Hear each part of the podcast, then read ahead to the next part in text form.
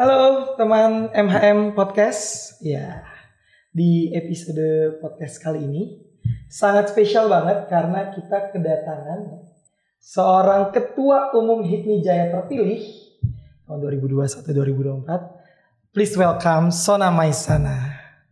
Terima kasih Halo sahabat Sona. saya Heru Mahyudin dan Siap. teman MHM Podcast yang sudah menyaksikan. Terima kasih sudah diundang. Thank you, thank you Son. Waduh, sekali lagi gue ucapin selamat atas terpilihnya di Musda HIPMI Jaya yang kemarin ya. Alhamdulillah. Dan Berkat bantuannya juga dari Pak MHM. Alhamdulillah. Dari awal kita udah lihat, wah ada nih kayak the nextnya nih berarti nih setelah uh, Tumafi gitu kan ya. Iya. Oke, Son. apa namanya? eh, berarti itu kayaknya tahun ini tuh eh, menjadi apa ya namanya? Kayak berkah bagi lu mungkin ya. Satu dapat pasangan hidup, Iya. ya kan? Satu dapat eh, amanah, ya kan? Amanah di organisasi yang baru gitu kan? Alhamdulillah. dan juga apa namanya ya banyak mungkin keberkahan-keberkahan lain Iya. mungkin yang setelah 2020 kemarin pandemi gitu ya Betul. ya kan Padahal itu planningnya semuanya di 2020. Tapi ternyata ada pandemi dan ternyata ada hikmahnya. betul Di balik kesulitan ternyata ada hikmahnya. Di 2021 mendapatkan semua rezekinya itu. alhamdulillah satu kata dari lo setelah menang Hmm. apa lega bangga Bersyukur. bersyukur setelah semua yang dilewatkan Iya. ini ya. Ya. Oke, Son, di MHM Podcast ini kita ada namanya quick test, Oke. ya, quick test, eh, ya games, challenge. Oke. Itu nanti jadi dari dua pilihan lo pilih salah satu, Oke. ya. Dapat hadiah nggak? Hah? Dapat dong. Oke. Kaos di slow. Oke, Son. Yang pertama, bisnis atau investasi? Investasi. Investasi. Golf atau sepeda? Golf. Bali atau Jakarta? Karena ketemu Jaya Jakarta. Kadang-kadang pertanyaannya sebenarnya. Oke, property or F&B? Hmm, properti. Property. Single or married? Merit dong, Merit. baru merit. Nanti ditonton sama yang Iya iya iya. iya. Kuliah atau organisasi? tough choice. Kuliah itu pendidikan. I think pendidikan. Kuliah ya. Ya. Oke. Oke, Sona Maisana mungkin juga teman MHM kan pengen tahu nih Iya. kan seorang ketua umum HIPMI Jaya terpilih ya Iya. 2021 2024 tuh masa kecilnya tuh kayak gimana sampai sampai sekarang tuh jadi entrepreneur dan Oke. ketua organisasi pemuda Oke. di Jakarta gitu kan. Oke. Oke, masa kecil nih ya. Jadi cerita masa kecil itu sebenarnya eh kalau background dari orang tua itu kan memang dia pendatang mereka dari Jepara, Jawa Tengah. Oh gitu. Eh, hijrah ke Jakarta. Gitu? iya ke Oh. Jakarta eh, dari mereka habis menikah, lalu mulai berkarir eh, di Jakarta sebagai pengusaha. Sorry, tahun berapa berarti lo pindah ke Jakarta? Eh, gue lahir itu tahun 89. Di kakak gua Jepara? lah- Nggak di Jakarta. Oh, di kakak gue lahir tahun 87. Ica. Ah, ah. Tahun 87 kayaknya orang tua gue tuh pindah Jakarta itu tahun 88 89 Oke. pas sebelum memang pas sebelum gue lahir. Oke. Mulai berkarir apa berbisnis di Jakarta lalu gue lahir besar memang di Jakarta Hmm. nah jadi memang tumbuh dari keluarga yang memang satu sisi perantau Iya. kedua ah, memang usaha jadi memang sudah dididik untuk tough mungkin ya Oke. Oh jadi udah udah udah usaha dulu nih di Jepara. Sudah apa Udah usaha dulu orang tua di Jepara atau Eh, belum di Jakarta Jakarta Mungkin mau kalau di startingnya Jepara ya? lebih ke banyak ke family Oke, bisnis kan. Cuma kalau yang benar-benar merintis sendiri mulai pada saat di Jakarta. Oke. Gitu.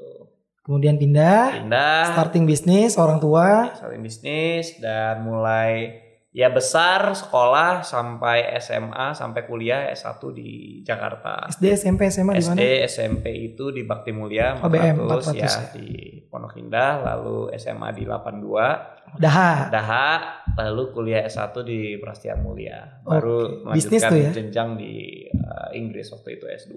Oh gitu. Gitu. S1-nya jurusannya apa? Business management. Business ya. management. Jadi emang udah ada apa namanya?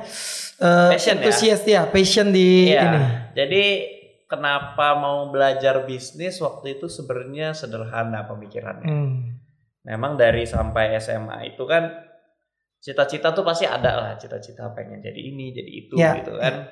Itu SMP tuh. SMP SMA. Cita-cita awal apa deh? Dulu tuh kalau SD malah gue tuh dulu les bola di Pelita Jaya. Oke. Dulu tuh cita-citanya jadi Tapi bola. atau bola pilihnya golf tadi. Karena sekarang udah gak kuat kayak Oke. Iya iya. Jadi dulu tuh sebenarnya cita-cita pengen jadi pemain bola. Oke. Ya itu cita-cita masa kecil kan. Oke. Karena ngelihat pemain bola kan Ya. kayaknya keren banget gitu. Iya, iya.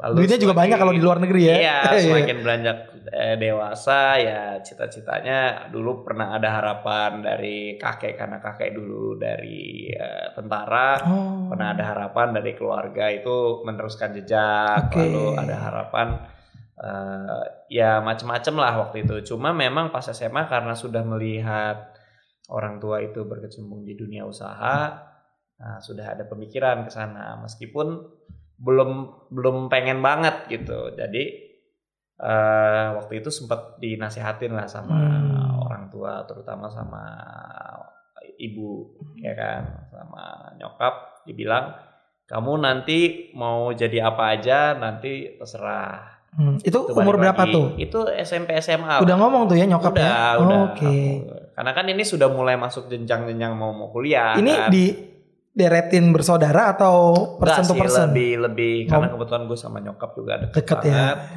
Dia sering ngomong bahwa ya kamu udah gede nanti mau jadi apa aja boleh, yang penting harus bermanfaat untuk orang banyak Mm-mm. gitu.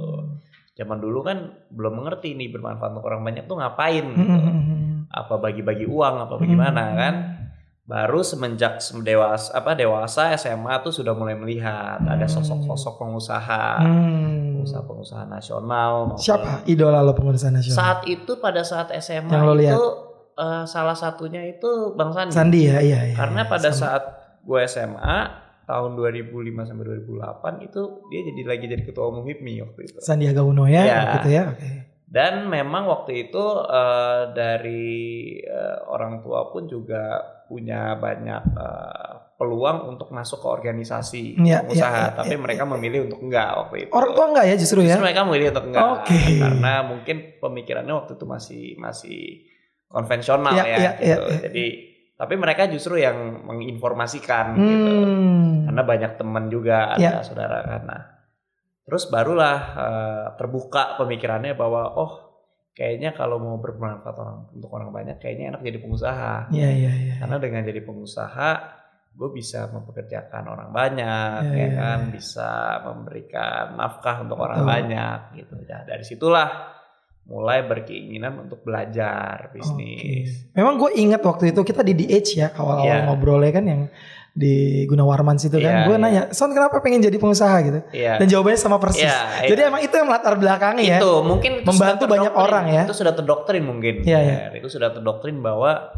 akhirnya kita yang kita kejar itu capaiannya iya, mungkin lebih ke eh, manfaatnya Iya iya iya. baru iya, iya. pada saat kuliah eh, memutuskan untuk masuk eh, di S1 Bisnis Prasetya Mulia Business School karena waktu itu eh, Prasmul ini juga sudah terkenal akan a eh, business. kurikulumnya Oh, iya. yang Majoringnya memang, bagus. memang mengajarkan mahasiswanya untuk benar-benar siap berbisnis gitu. Iya iya Jadi, iya iya. iya. Waktu itu nggak ada angan-angan lain masuk ke universitas lain punya keinginan untuk kuliah di luar tapi pengennya nanti gitu pengennya di Jakarta dulu jadi mulailah di situ kuliah sambil mulai mencoba bisnis pertama waktu itu Kuliah sambil bisnis jadi. Iya. Modalnya orang tua. modalnya waktu itu karena modalnya cenderung kecil waktu itu Hmm. kita patungan eh, nggak besar waktu itu sama partner karena berpartner bisnisnya Hmm, Sama teman kampus tuh. Enggak, enggak sama teman Oh, kampus, tapi bukan sama teman. SMA. Oke, Sama 82 ya. Teman 82. Oh. Kita bikin warung iga bakar waktu itu di Kemang sini, di Kemang Jalan sini? Benda. Oh, rame nggak? Nah, itu kita mulai bikin itu tahun 2010. Waktu itu kuliah tuh masih semester 4 lah. mungkin. Warung gitu ya bentuknya atau resto? Eh, resto tapi belum yang bentuknya belum resto banget. Oke, gitu. oke, oke. tapi nggak warung juga. Oke oke, Nah, small gitu lah ya. Iya, Oke, iya. U- U- UMKM lah. UMKM. Jadi usaha kecil menengah. Ya kebetulan tempatnya juga waktu itu dapat dikasih pinjem dulu Oh, gitu. gitu. Jadi benar-benar dengan modal keterbatasan, Iya, tapi iya. nekat, berani. Nah pada saat Sorry tadi modalnya dari mana? Nabung Eh, sendiri ya? Iya kita patungan Oke. bertiga. Nah, habis itu eh kita di tahun pertama bisnisnya berjalan, alhamdulillah berjalan bagus, respon masyarakat Bagus bagus. ya. Nah, barulah di tahun kedua kita memberanikan diri untuk minjam duit ke bank. Oh gitu. Minjam duit ke bank, kita renov. Heeh. Jadi dari yang jadi tadinya mungkin Oh. semi warung jadi resto beneran. Oke. Jadi ada coffee shopnya, Iya, iya, iya, kopi iya. dan lain-lain. Tapi ternyata bisnis tidak seindah itu. Iya iya iya. Makanya yang bilang Barulah di bisnis? tahun kedua ketemu dengan berbagai macam dinamika berbisnis tentang kesalahan strategi dan lain-lain yang membuat adanya penurunan lah waktu itu.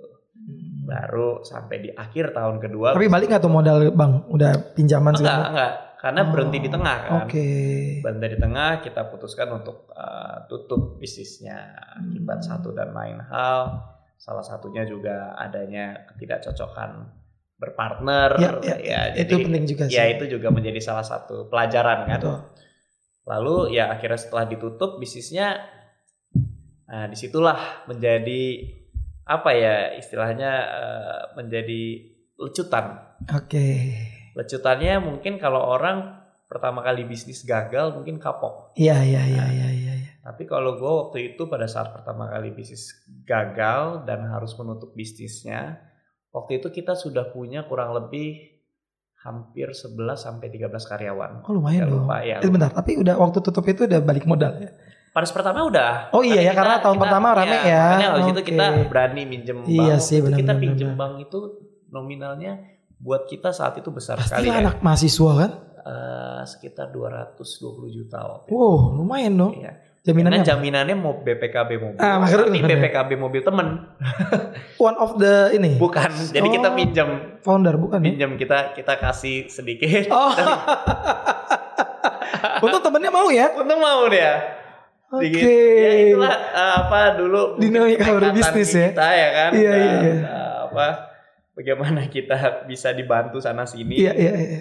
Nah, pada saat bisnis itu tutup 11 13 karyawan. Sebenarnya yang membuat nyesek waktu itu tuh bukan karena kerugian yang kita alami. Karena kan dengan di tengah-tengah kita tutup kita masih punya cicilan bank yang harus kita Pasti ya. tutup, 220 juta itu ya. ya mungkin kita udah jalan selama kurang lebih satu tahun kan jadi masih ada sebagian yang masih kita iya, iya. tutup lalu dengan bisnisnya tutup Kenapa lalu- tutup sih? Setelah strategi itu tadi. ya karena Oh ya per partner itu ya ya. ternyata kan eh, eh, Maksudnya nggak bisa lo take over aja sendiri atau eh, cari enggak, partner baru? itu juga ada karena waktu itu gue juga udah mau kuliahnya udah mau Oh, iya, beres iya. dan gue punya niat untuk melanjutkan studi Oke. dan para partner pun juga sudah fokus dengan kesibukannya masing-masing Oke. yang membuat kita kayaknya bisnis ini tidak bisa kita teruskan Oke. gitu. Jadi pada saat tutup eh, yang bikin sedih kalau gue pribadi ya bukan karena ruginya, bukan karena malunya, tapi karena saat itu karyawannya terpaksa harus kita rumahkan semuanya. Hmm, semua. Kan banyak yang dari kampung tuh. waktu Iya, itu. iya, Dari- iya, Dari, iya. dari Jawa Tengah, dari mana. Karena mereka harus kita pulangkan semua. Ada satu dua yang masih bisa ikut di kerjaan yang lain, tapi karena harus dipulangkan. Nah itu yang membuat, aduh, gua kayaknya kalau nanti mau bisnis, gua nggak boleh gagal lagi nih. Karena Tekad kalau- di situ ya? Tekadnya di situ. Gua kayaknya Oke. kalau gagal Usia lagi- berapa tuh? Usia 22 ya, 22. 22 ya. Di situ udah masuk HIPMI. Udah masuk HIPMI? Masuk HIPMI, masuk. HIPMI 2011. Gua 2011. Pertama kali bisnis 2010. Oke, tapi partnernya bukan sama HIPMI ya, sama teman SMA bukan, ya. Bukan. Oke, setahun dua tahun setelah bergabung HIPMI ya. Iya. Oke. Makanya setelah bisnis itu ditutup, gue udah tekad. Saat itu sempat membantu bisnis orang tua dulu. Kebetulan Hmm. orang tua ada bisnis di furniture. Sempat membantu bentar sambil mempersiapkan studi S2. Hmm, Nah tujuannya kenapa pengen belajar lagi karena ya gue tipe pebisnis yang memang pengen belajar. hmm. Makanya yang tadi Kuliah atau organisasi ya. gue pengen membuat pondasinya punya pondasinya bisnisnya itu eh, memang kuat gitu. Oke. Jadi kalau sekarang istilahnya itu eh, entrepreneur by design Oke. atau business by design Iya, gitu. iya. Jadi bukan karena nasib atau nasab tapi memang kita belajar. Nah, Oke. dari situ memang pemikiran gue waktu itu gue pengen bisnis tapi gue juga pengen belajar Oke. gitu. Fondasinya dan Oke. alasan juga waktu itu pengen melanjutkan studi keluar karena juga pengen eh, membuka wawasan lah. Cakrawala Ah, baru juga ya. Apa sih gitu. Oke. Dan waktu itu ngambilnya juga international business, jadi juga pengen aimnya dari dulu tuh udah pengen punya bisnis yang go internasional gitu. Meskipun belum Waduh. belum ngejalanin bisnis yang bener-bener ya. Iya iya iya iya iya iya iya. Jadi gitu, kurang lebih cerita masa kecil. Iya iya iya. Berarti eh, apa namanya? Sorry. Berarti memulai bisnis restoran dulu atau melanjutkan usaha keluarga? Mulai restoran dulu. Mulai restoran dulu ya. Iya. Terus Jadi berarti memang waktu masuk dulu- HIPMI Jadi pakai dulu restoran memang itu? masuk mulai bisnis itu tidak tidak apa terkait dengan bisnis keluarga atau bisnis eh, yang lain Hmm. memang benar-benar mulai dulu itu ya. mulai dulu sendiri Padahal orang tua udah ada tuh ya. sudah ada Gak menyiapkan, maksudnya udah lu sini aja. gitu. Eh, saat itu mau cen- mereka cenderung mensupport sih Justru mensupport ya. Biar jatuh mungkin- bangun dulu ya. ya mungkin di situ kan kita benar-benar belajar jadi Hmm. di situ gue benar-benar ngerasain sambil kuliah gue sambil kalau selesai kuliah gue ke resto Hmm. itu sampai malam karena tutupnya kan sampai jam Hmm. 10 Hmm. Habis itu kita baru balik jam 12 malam besoknya Hmm. kuliah lagi Hmm. mengurusin ya itu lumayan banyak belajar lah Hmm. gimana bisnis uh, as a basic Hmm. uh, operationnya, Hmm. human resource-nya, manajemennya Hmm. bagaimana, Hmm. marketingnya seperti Hmm. apa gitu, Hmm. finance-nya seperti apa. Hmm. Jadi lumayan banyak belajar meskipun itu masih skala UMKM Hmm. dan bisnisnya pun juga tidak berhasil pada akhirnya, tapi lumayan menjadi pembelajaran lah Hmm. gitu. Jadi perasaan lo saat itu pas lo bilang kan membuka lapangan kerja dan membantu Iya. orang sebaik-banyaknya. Iya, Satu sisi lo kan harus mengkat iya, 11 orang sampai 13 orang itu ya. iya, iya, hampir semua. Dan Itu itu perasaannya itu yang bikin sangat-sangat terpukul sih. Iya iya iya. iya. terpukul. Lo ngomong lo yang ngomong apa sama teman-teman? Iya bertiga. Bertiga ya. Iya. Oke. Ya sampai ada yang nangis juga gitu. Jadi Ada yang ya, nangis juga? Ada yang nangis juga karyawannya. Jadi wah akhirnya punya tekad gue kayak kalau jadi dimulai bisnis lagi nanti kalau bisa nggak nggak gagal dan gue pengen bikin bisnis tuh sebanyak banyaknya. Sebanyak-banyaknya. Iya. Sekarang udah berapa? Dari umur Sekarang- 22 sampai 31 sekarang ya? Oke. Eh More or less. kalau ya kalau di ta di tahun setelah gue balik ke dari UK tahun 2015 nah gue kan mulai masuk tuh di mas di family business masuk Oke. lalu gue juga membuat bisnis eh, investasi yang memang kita uh, meng-create atau kita banyak eh, melakukan investasi di bisnis-bisnis baru. That's why tadi gue tanya bisnis atau investasi investasi ya. Ya, ya. Namanya Satria. Ya, Akasa Investama. Kayak tahu tuh, Bislo kayak yang bikin nih. Ah, iya. Oh iya kan, Oh, Bislo. Salah satu yang waktu itu membenahi legalnya ya. Legal ya, iya iya iya. iya. Jadi melalui Satria Kasa Investama kita sekarang sudah kurang lebih ada tujuh portofolio bisnis ya. Tujuh? Tujuh ya. Kurang kurang lebih ada tujuh sampai Oke, delapan. oke dong. Ya, jadi 2015 sampai 2021. 6 tahun ya berarti Iya. ya. Berarti setahun satu ya. Satu dan di 2020 kemarin ini kita melakukan tiga Tiga langsung. Iya, oh, iya. Padahal pandemi. pandemi. Hah? Pandemi. Gak kebanyakan orang kan jangan mulai dulu lah pandemi lihat dulu Ya, marketnya surprisingly, setahun surprisingly pada saat pandemi ini ada satu bisnis kita juga yang bisa berjalan meskipun ada bisnis kita juga yang terdampak ya. Tapi kita juga melakukan uh, bisnis atau investasi baru juga gitu. Jadi apa tuh properti itu ya uh, properti sudah berjalan sebelum pandemi, tapi di pandemi ini kita membuka site baru Hmm. di Karawang Hmm. membuka klaster baru, tapi kita juga membuat bisnis. Salah satunya terinspirasi juga karena pandemi melihat pada saat 2-3 bulan pertama pandemi itu kan banyak di rumah tuh masih Hmm, PSBB. Iya, iya. Dan kita waktu itu gue sendiri selalu menstok makanan frozen kan. Oh, Nah, sosis itu iya, ya. Eh, baru udah dari situ kita membuat bisnis frozen food. Oke, itu. jalan masih. Jalan. Growth-nya oke? Jalan. Growth-nya oke dan kita lagi melakukan pengembangan produk terus. Produk. Lalu kemarin kita juga membuat restoran berjalan iya, dengan iya, teman-teman juga. Si Bet sama ya. Si Bet. Dan ada bisnis engineering service yang kita Ah, itu buat. apa sih? Itu kita Wirabima itu kan? Iya, Satria sih Wirabima Jaya itu kita uh, engineering service untuk perusahaan pabrik kelapa sawit ataupun perusahaan-perusahaan pembangkit yang memiliki turbin. Lo sewain berarti turbin Nah, kita atau lo ke produce? service, Oh. maintenance, Oh. sama bisa juga EPC-nya juga. Oke. Gitu. Kalau untuk bisnis yang lo misalnya belum paham ya, let's say Ya. kan kalau Ya. orang tua kan furniture, ya Lalu kan? ada di Furniture, energi, energi. dan di hotel ya. ya, hotel. Nah hotel kan, itu relate lah. Maksudnya properti kan relate Ya, lah. ya, Furniture, ya. hotel, properti Ya, lo ada. ya. Tiba-tiba misalnya kayak turbin, Ya. terus lifestyle restaurant, Ya. tuh gimana? Maksudnya lo apakah lo mempelajari dulu ya? Iya. Lo kan memang bisnis Oke. ya. Atau lo maksudnya melakukan riset dulu atau everyday meeting Iya. with uh, the founders gitu ya Iya. gimana? Memang kalau pada saat pertama gue melakukan bisnis itu kan berpartner Ya, dan gagal. oke. Oke. Si itu Tapi umur itu yang nggak membuat gue kapok untuk berbisnis berpartner. Karena Oke. gue yakin berbisnis ini kalau kita nggak berkolaborasi, Iya. kalau cuma kita berkompetisi ini pasti majunya akan lebih lambat gitu. Iya. Kalau berkompetisi hanya berkompetisi. Iya. Tapi kalau berkolaborasi kita bisa mencapainya bisa lebih cepat. ya, ya, Gitu. Meskipun dapatnya lebih sedikit kasarnya, iya, iya, iya. tapi bisa lebih banyak Jenis eh, usahanya.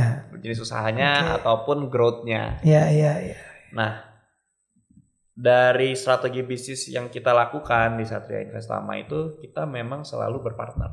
Hmm. Jadi apakah itu Kolaborasi kita hanya ya? ber- hanya melakukan investasi atau kita joint venture atau kita merger itu kita selalu berpartner dengan orang-orang yang memang sudah tepat ataupun sudah punya expertise di bidang usahanya Hmm. yang akan kita masukin. Lihat portofolionya dulu nih kan. Betul, betul. Oke. Jadi eh, kita punya eh, strategi untuk kita nggak cuma invest di bisnisnya, tapi we invest in people. Oh, Jadi kita gitu. juga ngelihat orangnya memang punya kapabilitas, punya visi dan punya eh, apa namanya eh, eh, strategi dan memang punya prospek di bidang Hmm. usaha itu. Gitu. Oke. Jadi kita selalu berpartner dengan memang orang-orang yang sudah expertise meskipun di satu sisi kita pun juga belajar mengenai mengenai bisnis itu. Gitu. Oh, jadi belajar juga kan? belajar ya? juga gitu. Tapi nggak sampai- nggak ngerti tentang frozen food akhirnya belajar. Ya, ya, ya. Tadinya nggak ngerti tentang properti tadinya jadinya belajar. Oke, gitu. oke, oke. Nggak tiba-tiba lo jadi tahu harga bawang gitu misalnya ya. Ya terkadang, Iya. terkadang, terkadang hal-hal yang kecil pun kita juga mau nggak mau jadi tahu kan. I see. Gitu. Nah itu sistemnya biasanya eh, calon partner yang eh, sounding ke lo untuk Ya. presentasi gitu. Kayak isi visi gitu ya berarti ya? Nggak juga ya beda ya? Hampir lah, hampir. Hampir kan? Tapi ini lebih ke eh masuknya pun bisa yang kita yang approach Hmm. atau ada memang potensial Mereka partner pitching yang atau- approach gitu. Oh gitu. Jadi masing-masing tuh ya. Masing-masing. Di samping memang dari gue sendiri kan menjalankan bisnis grup nah, Satria Group yang memang sudah ada bisnisnya yang berjalan Itu energi tapi itu. bukan? energi hotel tapi di satu sisi gue pun juga pengen mengembangkan bisnis-bisnis baru Hmm. bisnis yang memang uh, mempunyai prospek lalu juga mempunyai sustainability Hmm. yang di luar uh, bisnis yang sudah berjalan sekarang Oke. aimnya kembali lagi ke cita-cita awal Iya ya. membuka bermanfaat. bisnis sebanyak-banyaknya membuka lapangan pekerjaan membuka lapangan pekerjaan sebanyak-banyaknya ya syukur-syukur harapannya tentu kita juga mencari uh, profit juga kan dari Pastilah. bisnis yang kita jalani tapi tidak semata-mata hanya itu aja gitu kepuasannya kayaknya kalau punya bisnis yang berhasil tapi dengan membuka lapangan pekerjaan yang banyak itu kayaknya lebih puas gitu dibanding hanya melihat angkanya saja gitu. Ya, ya, ya, ya. Oke, dari tujuh bisnis unit yang udah bikin Ya, sendiri, kurang lebih 7 ya, Ya. 7 sampai 8. itu pasti beda-beda kan? Tujuh Iya, sampai delapan? beda-beda. Yang paling cuan yang mana? yang paling berasa banget setelah pandemi itu yang mana? Kalau dari portofolio investment ya yang paling cuan ya. karena banyak di antaranya masih baru ya. Oke. Masih baru karena Jadi nggak bisa kempit gitu. ya nggak nggak apple to apple kalau Hmm. dibandingkan mungkin bisa jadi yang baru-baru ini bisa Grow, meraih profit eh, margin yang lebih besar nantinya gitu. Oke, tadi Son kuliahnya bisnis entrepreneur gitu ya. Eh, menurut lo seberapa penting ngambil jurusan bisnis sehingga lo menjadi pebisnis? Seberapa penting? Apakah itu Ya. cukup penting atau ya udah bisnis kecemplung yang Tadi Iya. lo bilang kan entrepreneur by design, nasib nasab itu Ya, kalau menurut gue pribadi sangat penting. hmm, Karena tadi yang gue bilang cerita bahwa zaman dulu ya belakangan sebelum era sekarang ini kan pebisnis itu banyaknya by nasib sama by nasib. ya kan. ya Yang memang by nasib karena kecemplung, Ya, karena ya. kepepet, karena memang mau nggak mau gitu. Ya. Atau yang by nasab memang melalui garis keturunan atau Ya, ya, melanjutkan. ya. Tapi makin ke sini menurut gue success rate-nya Ya. itu lebih baik atau lebih bagus entrepreneur atau by design. By design itu. by design. Jadi emang dia udah kuliah. Ini memang dia belajar, mungkin nggak harus kuliah, tapi dia mempelajari menjadi pebisnis yang baik, yang benar itu seperti apa. from menjalani young gitu ya dari sejak muda sedini ya. mungkin gitu. Hmm. Menjalani bisnis itu, mau dia mau bikin bisnis F&B ya dia Hmm. benar-benar belajar Hmm. supply chainnya seperti apa, operationnya seperti apa, Hmm, hmm. human resources seperti apa, Ya, ya. produk developmentnya seperti apa. Ya, nah, ya. dengan dia belajar akhirnya mengurangi resiko gagal dia atau Hmm. minimal meminimalisir resiko-resiko lainnya lah dibanding yang Hmm. benar-benar dia nggak tahu apa-apa dia main nyemplung aja pas udah gagal baru dia belajar gitu Iya iya.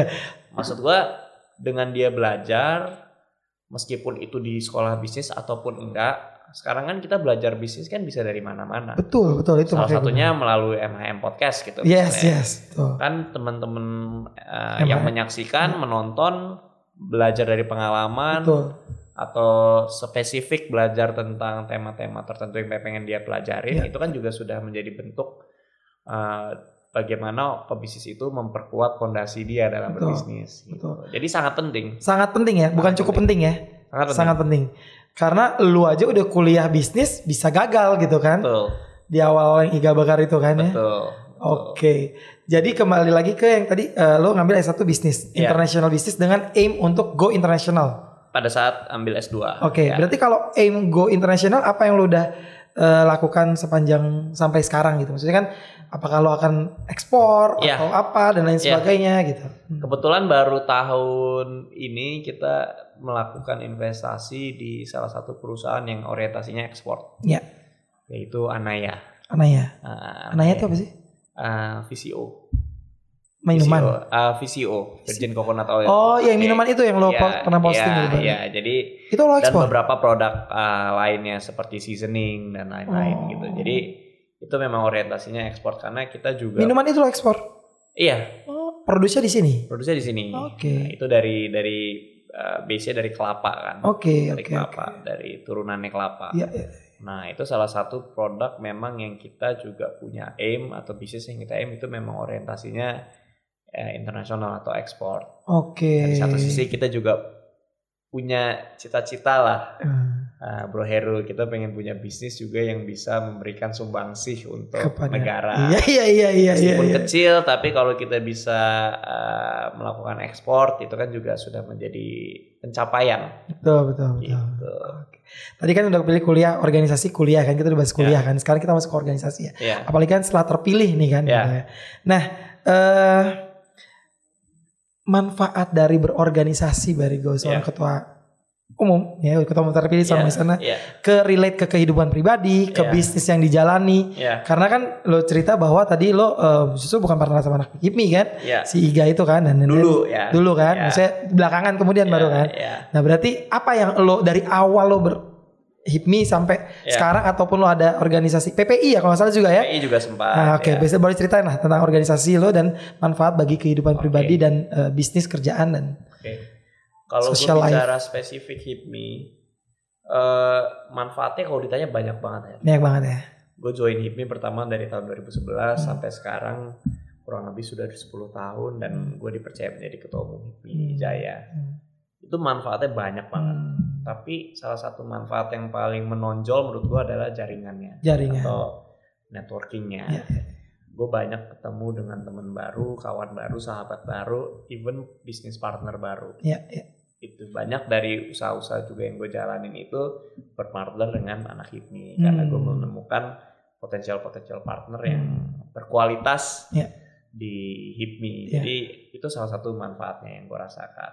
Kalau PPI? apa apakah itu memang jaringannya dengan teman-teman ataupun dengan senior? Iya. gue pun juga bisa banyak belajar di situ. Kalau PPI memang itu menjadi cikal bakal mungkin passion gue di organisasi ya. Hmm. Karena pada saat kuliah S1 gue nggak terlalu aktif di organisasi kemahasiswaan saat itu. Hmm. Karena mungkin sudah terlanjur fokus di bisnis. Ya, ya, ya. Tapi pada saat gue kuliah di Inggris waktu itu S2, gue mulai tertarik di organisasi PPI waktu itu Perhimpunan Pelajar Indonesia dan Itu voting juga. ya dan Voting juga. memberanikan diri mencalonkan diri. Lawannya ada berapa?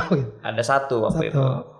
Nah dari situ alhamdulillah terpilih juga diamanahkan. Nah dari situlah mungkin jiwa organisasi lalu bagaimana bisa eh, mem- pengen memberikan dampak terhadap organisasi itu sudah mulai muncul di situ. Iya, iya. Jadi Barulah diteruskan kembalinya HIPMI. dari ke Indo ke Indo di HIPMI semakin serius di organisasinya. gitu. berarti setelah ini tetap organisasi atau being politician? rasanya kalau dari gue sendiri passionnya itu memang di organisasi yang memang kaitannya tentang bisnis dan Oke, ekonomi ya, oke. gitu. Tapi nggak menutup kemungkinan politisi atau Eh, belum ada arah ke sana Belum ada. sih, belum. Gue masih fokus banyak bisnis banyak eh, capaian bisnis yang ingin digapai. Masih kalau ditanya bisnisnya juga masih berusaha untuk tumbuh terus. Pengen juga cita-cita pengen punya bisnis juga yang bisa IPO suatu saat Iya, iya, nanti iya, gitu. iya. Jadi masih banyak goals yang ingin dicapai dulu dari sisi bisnis. intinya fokus ya? Fokus, Hmm. bangun jaringan, Hmm. lalu eh, gigih ya, Gigih ya, Gigih. persistence ya. persistence. Oke. Dan yang paling penting juga harus jaga integritas. Ya itu penting banget Betul. tuh. And ya business kunci ya. field apa pun lah ya saya Iya, rasa ya Iya. bidang hukum dan lain sebagainya integritas sih. Oke, eh ada masukan buat pebisnis-pebisnis pemula maupun Buat teman-teman MHM podcast ya. mau podcast. Oke.